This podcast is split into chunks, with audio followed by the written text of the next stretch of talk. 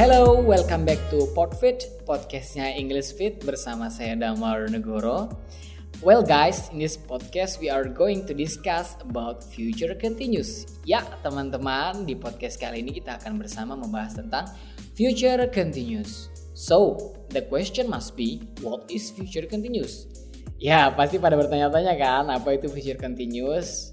Oke, okay, future continuous is tense that is used to express an activity that will be in progress at a particular time in the future. Ya, itu dia. Future continuous adalah tense yang digunakan untuk menyatakan aksi atau aktivitas yang sedang terjadi di waktu tertentu di masa depan. Usually, this tense uses these adverbs of time Biasanya nih sob, tense ini tuh pakai atau ditandai dengan keterangan waktu berikut ini. Tomorrow morning, at 7 p.m. tomorrow. Nah, biar lebih jelas, kita kasih contoh gitu ya.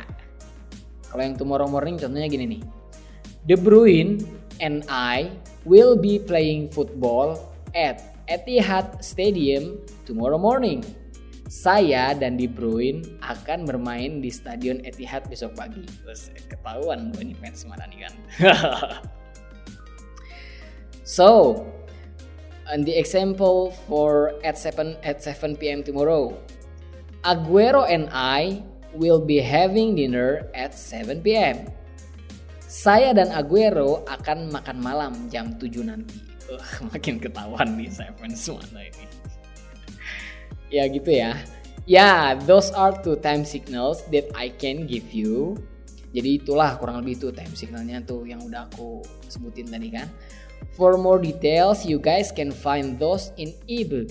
Jadi kalau untuk lebih detailnya bisa dibaca di ebook kami ya. So let's join us. Let's join our online class. Yay! Jangan lupa mari join ke online classnya English Speed okay, everyone, I think that's all my explanation regarding future continuous. Ya saya kira begitu ya penjelasan tentang future continuous. See you in the next podfit. Au revoir. Damar Negoro pamit.